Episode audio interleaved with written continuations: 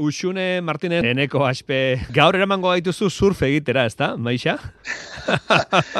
ba... Zu tarteka joaten zara surf egitera hor Kalifornia, San Francisco. Bai, bai, bai, askotan, askotan. Hemen ganera e... e, sorte dunenaz, base San Francisco, irian bertan, e, surf egiteko aukera dugu. San Francisco ondartan, e, usune joan da inoiz, surf egitera, usune? Ez? Ez, ez da nire, horrendik ere igual gara izgabiltza ikastaro bat egiteko. Bai, inoiz ez da berandu, Manu. Joak bai. itezke zaraut zaldera bai. edo, mundakara edo. Bai. Bai, bai, Uretan, jendea, e, bueno, edade guztietakoak ikusten dira, eh? E, ikusten dituzu ama, bi, ama, iru, ama, urteko e, nerabeak eta irurogeita askoko jendea ere, bai. Oie, segurazki e, bizi osoan egin dute surfa, ez da igual adin hortako jendeak igual, ez? Eta ez, eh? ez eh? eta ez. Nik ezagutzen dut jendea berrogei, berrogeita pikurterekin ikasi duena. Ikasi duena. E, beraz, e, bai, be, beitu, e, korrika egitearena adibidez, e, zailagoa da eh, edade ja, jakin bai. batzuetan ja, baina bai. surf egitearena ez horren beste. Ez horren beste, beraz, horrendik ere garaiz gabiltza hoxune. Bai, bai. Bueno, ber, beraz, bai. eh, eh, gutxi joan zinen San Francisco ne surf egitera, eta poliziak etzizuen eh, uretan sartzen utzi, ez da? Bai, ez inoiz pasatu, eh, baina tsunami alerta badakizue eh, tonga tsunamia eta gero, ba, hainbat alerta piztu zirela, eta naiz eta Kalifornia egon, e, sortzi mila bosteun kilometrotara, bai. e, Kaliforniare josuen, ez, ez e, magnitude handi batekin, baina adibidez e, Santa Cruzen, San Franciscotik oso gertu dagoen Santa Cruzen, e, bai josuela, esate baterako, eta beno, ba, ondartzan hainbat kalte sortu egin ziren. Bai, eta, degarria da, eh? esan dugu, eh? zera, Pazifiko erdian dagoen, bueno, erdian, edo, eh, Zelanda berretik nahiko mm. bertu dagoen tonga uartean izan da tsunamia, Kalifornia sortzi mila eta bosteun kilometrora dago, eta zuek ere nabaritu zen den tsunami hori pixka bat. Bai, eh, pentsa ezazue, Pazifiko osoa zeharkatu zuela eh, tsunamia, baina, bueno, gu ere bai, e, San Francisco, Kalifornian, e, e, susko erastunean gaude. Mm Hemen pasatzen dira e, munduko euneko e, larogia, tsunamien euneko larogia, mm susko erastun honetan, hau da Pazifikoko kosta osoan. Eta, beno, ba, mehatxu handienetariko bat, denez, gizaki ontzat. Uxune, tsunami itza beldurra ematen du, igual izan da, bai. izango da pelikulak eta ikusi ditugulako eta horrela, baina, bueno, eta, eta, eta izan direlako tsunami handia, gaino beldur pizka bat ematen du, eh? Ba, guazen pizka bat ikastera tsunami buruz, mm. orduan. Eta tsunami buruz ikasteko, ba, ba ekarri ditut hainbat puntu, e, bitxiak eta garrantzitsuak direnak, esate baterako lehenengoa zelan sortzen diren, ez?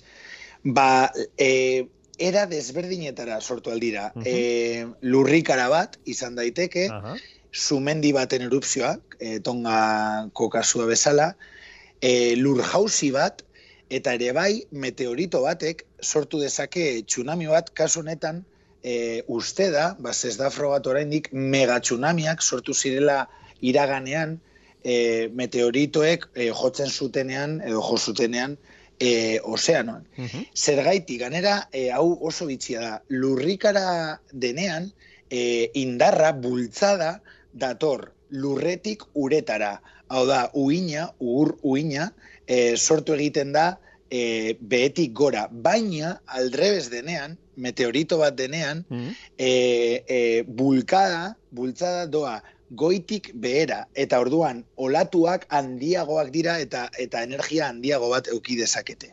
Eta kontua da e, horrela eman zela e, ba, lur jauzi baten ondorioz, ez meteorito e, baten ondorioz, baina lur jauzi baten ondorioz, historiako handiena dakiguna. Hau da, e, e, rekorrean daukagun e, handiena gertatu egin zen mila bederatzireun eta e, berrogeita mazortzi garren urtean Alaskan. Alaskan. E, bai, lituiako badian.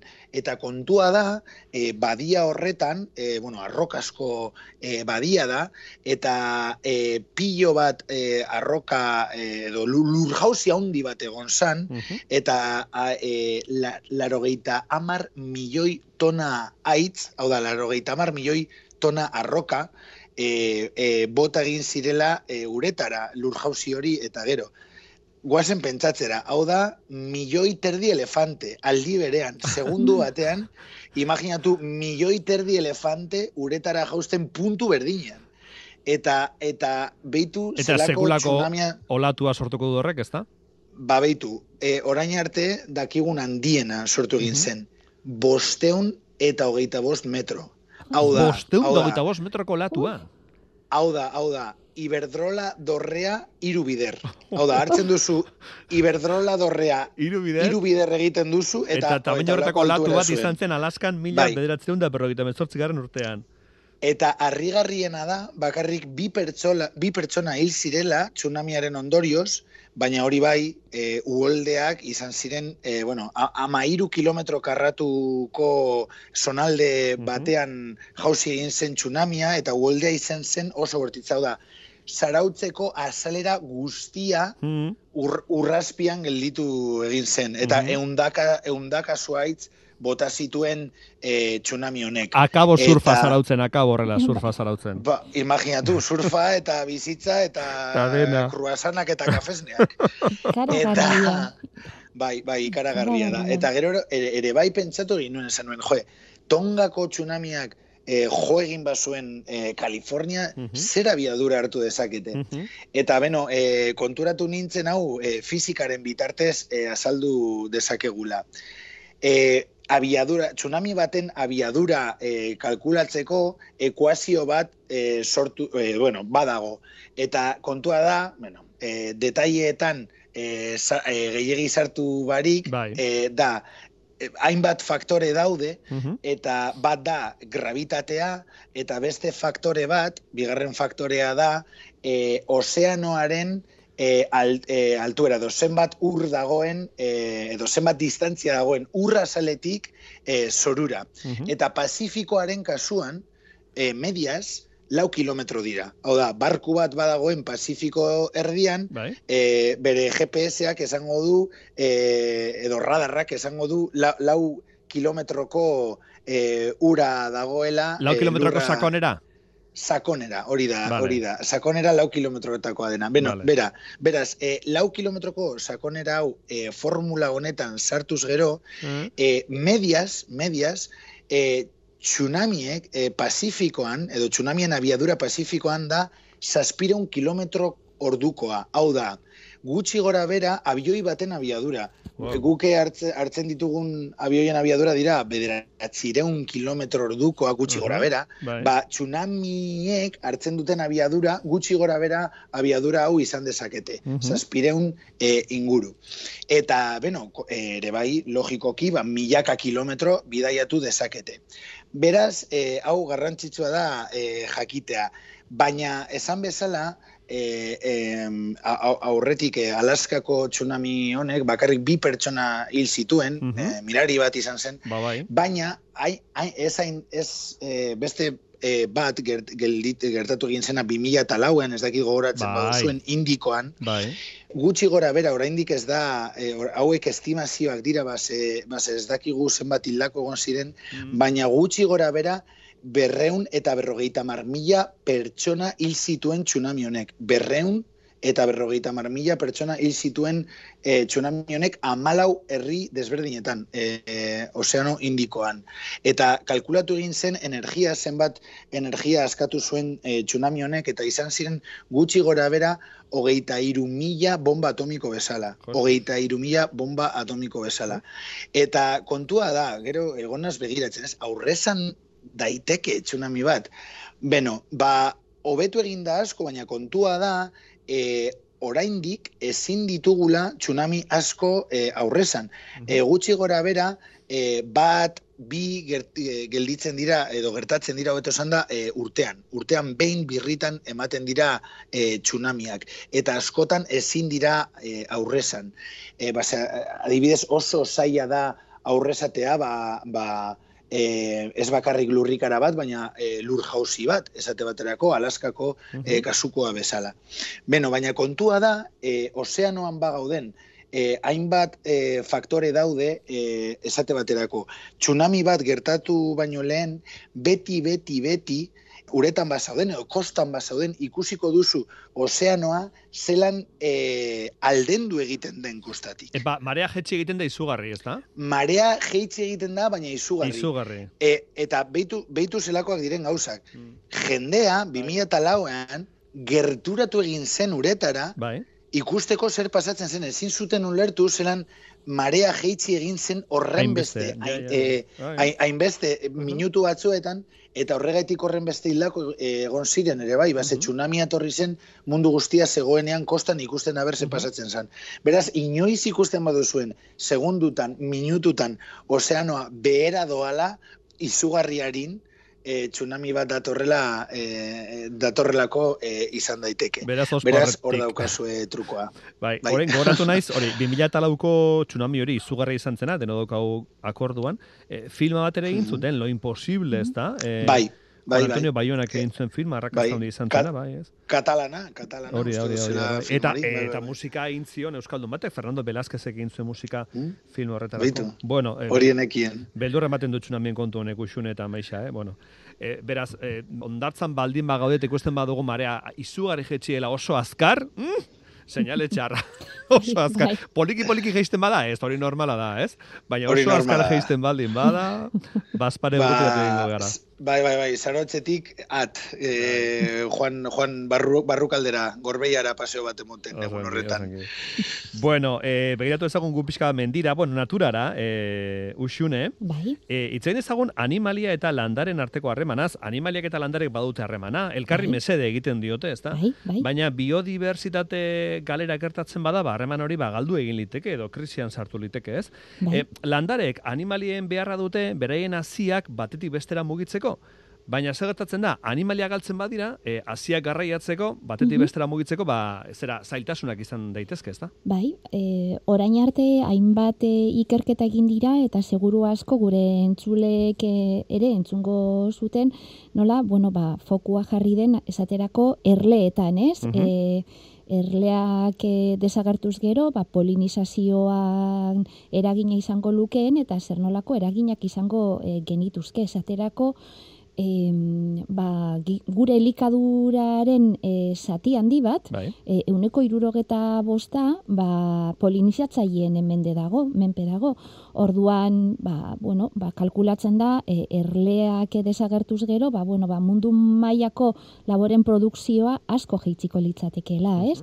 Baina kasu honetan, ikerketa bat egin dute e, hainbat unibertsitateko e, ikertzaileek, eta hartu dituzte kontuan, e, fruitu mamitsua e, duten e, zerak, e, fruitak ez, basaterako e, gereizak, e, aguakateak, e, mispilak, e, okanak eta ez, uh ba, e, oiek eza zabaltzeko ero e, animaliak behar dituztelako e, ba, hori, euren biziraupenerako bai. eta bir sortzeko ez, Kontua da, esan duzun moduan, animalien eta landaren artean badago e, elkarlan bat, ez? Uh eta horri mutualismoa deitzen zaio e, animaliak elikatu egiten dira ba, fruituei esker bai. eta aldiz e, e, landare hoiek zabaldu egiten dira ba, animaliek e, eraman egiten dituztelako euren e, hasiak ba, beste lurralde batzuetara eta barreiatu egiten dituztelako, ez? Bai. Bueno, kontua da,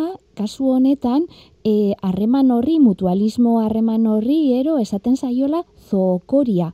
Zookoria da, ba, hasien dispertzioa e, animalien bidez. Eta esaterako, hainbat modutan egin daiteke. Alde batetik, bueno, ba, animali batek, ba, jan egiten du fruitua, eta gorotzetan e, eramaten du e, asia eta zabaltzen du, ba, bueno, gorotza egiten duenean beste lurralde baten. Bai. Kasu horretakoak gira, esaterako, ba, saguzarrak, ero txoriak, ero em, hauntzak, ero kasu batzuetan ere, ba, behietan ere, behien kasuan ere ikusi da. Beste kasu batzuetan esaterako, bueno, ba, uskurrak hartu egiten dituzte, e, ba, adibidez negua pasatzeko eta gorde egiten dute, ez? Eta hoietakoak ditugu adibidez, ba, urtsintzak, ero mikak esaterako, ez? Mikak eta uskurrak hartzen dituzte eta lurperatu egiten da, bezero, gorde egiten e, dituzte txoko baten, eta kasu askotan batzutan hor gelditzen dira, ba, animalia desagertu egin delako, ero ahastu egin direlako, ba, hor zituztela gordeta, ez? Zer gertatzen da, ba, bueno, ba, e, hori ba, e, ernai mundu egiten dala, ez erne egiten dala, eta bueno, ba, landaria sortzen da. Eta azkenengoko bidea da, bueno, ba, animaliek eh, euren lumetan ero larrua salean, ba, hor itxatxita eramaten dituztela hasiak eta gero, bueno, ba, egan egin, ero joaten direnean beste toki batzuetara, askatu egiten dira hasi hoiek eta, bueno, ba, bertan e, ba, erne eta ba, aurrera joaten dute, joaten dute, ez? Bueno, ba, kontua da, e, ikertzaile hauek egin dutela, ba, lauren tokitako, espeziak aztertu, hau da, e, asiak sakabanatu, ero zabaltzen dituzten espeziak e, zertu, aztertu, eta baita ere, e, hau da, zeintzuk diren euren sakabanatzeko e, estrategiak eta eta bideak eta ba, nondik nora joten duten, eta ze egoeratan dauden e, animalie hoiek, hau da, e, galsorian dauden, egoera honean dauden, e, toki batetik bestera joaten diren, ero ez, ero, bueno, ba, zein da neuren dinamika, ez, eta dinamika hori zelan aldatu dan. Eta ikusi dute, bueno, ba, e, hainbat ekosistemetan galtzen ari dela, ba, ugastun eta egasti sakabanatzaile, ero zabaltzaile e, horien katea. Zer gertatzen da? Bueno, ba, biodibertsitatean galera izugarria ikusten ari direla. Alde batetik, danok ezagutzen dugun klima aldaketaren eraginez. Hmm. Zer gertatzen da? Bueno, ba, klima e, aldaketan eren eraginez, hainbat animali eta espezie desagertu egin dira, eta beste alde batetik, beste batzuk ohitura kaldatu egin dituzte. E, esaterako, badaude egazti batzuk migratzaileak direnak, baina nola aldatu egin den klima, ba, e, negua ero, e, uda pasatzen duten toki hoietan, ba, ez direla negua pasatzen beste toki batzuetara joaten. Hau da, zergatik, ba, e, uda pasatzen duten toki horietan ere, ba, neguak epeldu egin direlako nola baite, ba, ez dute beharra beste toki batzuetara joateko, eta orduan horrek zer e, eragiten du, ba, e, txoriek ez badute migratzen, ero ez badira joaten beste toki batzuetan da, hasiak ez, direla zabaltzen. Mm. Ondorioz, klima aldaketaren eraginez, toki hoietan edo toki jakin batzuetan dauden landareak ere mm. galsorian daude. Ah. Ez direlako edatzen beste leku batzuetara, eh, beste leku batzuetara mm. eta bertako eh, aldagai klimatikoak ero egoera klimatikoan aldatu egin denez, ba, muturreko fenomeno gehiago eta ba, esaterako e, e, bero larriak, e, euri jasa handiak, e, zikuteak eta egonez gero euren lehengo egoera aldatu egiten da eta ezin diote horri aurre egin eta galdu egiten dira galdu egiten dira e, alde batetik klima aldaketaren gatik eta txori eta ugastun horiek ez direlako joaten beste toki batzuetara eta hasiak ez dituztelako eramaten. Beraz denak galtzaile ateratzen gara, ezta? Animalia bai. galtzorian daude, animalia bai. galtzorian daudelako hasiak ez dira behar den bezala zabaltzen, ondorioz landare gutxiago dago bai. eta esan diguzu polinizazioa e, guretzat oso importantea dela, gure elikaduraren zat, ezta? Oso, eta baita ere hasien ezabaltzea ero. E, ikusi dute esaterako, bueno, ba, e, bai egaztien eta ugastunen biodibertsitatea galtzeak ba, ekarriko lukeela ba, gure hasien e, mundu mailan, eh, hasien e, euneko irurogeiaren e, galera ero, ez? E, galdu egingo lirateke, ba, bueno, ba, euneko ba, hasi hoiek, ez? Eta horrek suposatzen du, ba, landare... Eh? eh? Asko, da. Asko, eta horrek suposatzen du, landare espezieetan, galera handia egongo dela eta bueno, ba horrek izango dituela kate guztia kate ekologikoan ere sekula kondoriak e, izango dituela. Kontuan izan ekosistemak gainera kate baten e, barruan daudela, ez? Eta orduan kate begi bat apurtzen denean, ero kate begi baten ba, austura bat dagoenean, ba, kate osoak e, izaten dituela e, ondorioak.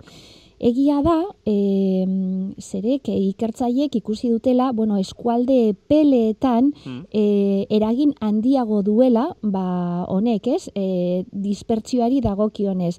Zergatik, bueno, ba, kontua da, e, eskualde peleetan, e, ikusi dutela hasien zabaltze osakabanatze funtzioaren bereakada e, handiena e, batez ere ba, bertan ikusi dutelako ba, baita txoriek eta e, hainbat ugastunek ba, nola jeitzi duten euren kopurua eta horrek ekarri dien ba, galera, galera hau, ero aldaketa hau zer da proposatzen duten hasi e, e, bai. ba, berreskuratzea. Galdu diren e, espezioek berreskuratzea, animaliak bai, berreskuratzea. Bai, berreskuratzea, ez? Hau da, biodibertsitate galera honetan mm. izendako, izandako utzuneak, ero ba, galerak e, e, ekiditu, eta nola bai, bueno, ba, berreskuratu bertakoak diren animalia espezie hoiek e, ba, bueno, ba, asien eta zabalkunderako ero dispertsiorako ba, e, baliagarriak e, direlako, ez?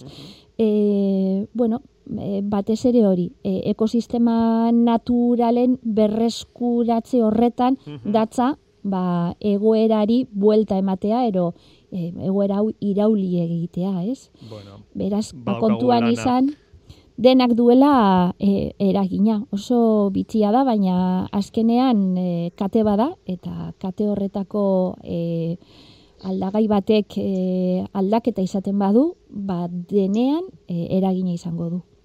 Bueno, eh, uixune joango gara eh, begiratzera ea surf ikastaroak noiz ematen dituzten. Izera emateko.